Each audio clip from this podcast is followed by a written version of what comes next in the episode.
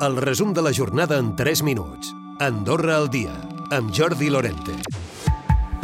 El cost mensual mitjà per criar un fill al país és de 747 euros L'alimentació representa la despesa més important i la franja d'edat d'entre els 13 i els 17 anys és la més cara, segons un estudi d'Andorra Recerca Més Innovació, conjuntament amb Antropia i la col·laboració d'UNICEF, es desprèn que per a les famílies amb un poder adquisitiu més baix, aquest cost representa més de la meitat de les despeses anual. I tot això quan Andorra és el país d'Europa amb una taxa de fecunditat més baixa i on els factors econòmics podrien ser clau per explicar aquesta situació econòmica.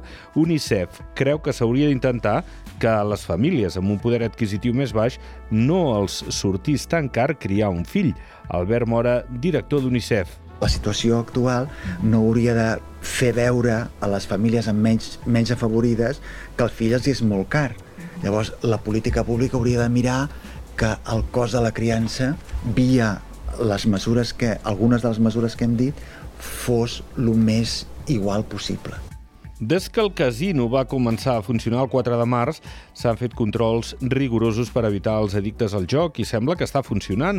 El director general d'UNIC ha recordat que detectar els ludòpates és una de les seves tasques principals. Ivan Armengot. De moment no estem tenint casos de dir clar, un cas flagrant de ludopatia. No? No, tenim, no tenim a les 11 del matí quan obrim una cua de 30 persones que estan allà cada dia això les mateixes. Això no, no és així. Per tant, crec que ho tenim bastant controlat controlat. L'empresa familiar preveu un retorn pausat a la normalitat després d'una bona recuperació econòmica en el que portem d'any.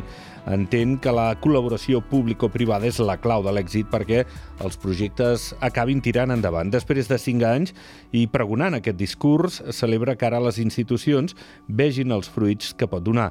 N'ha parlat el president de l'EFA, és Daniel Armengol. Creiem que tots eh, assentats al voltant d'una taula sabem identificar molt millor les amenaces i preveure molt millor les oportunitats que puguin sorgir de cara al futur. Sembla que finalment tant en l'àmbit habitatge com en l'àmbit energètic com en d'altres àmbits amb els que col·laborem eh, els nostres governants eh, s'estiguin alineant amb aquest concepte.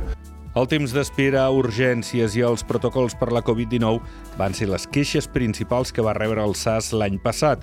Reclamacions que van arribar en comptagotes a través d'enquestes en paper. Ara l'objectiu és digitalitzar el sistema i enviar les enquestes de satisfacció per SMS.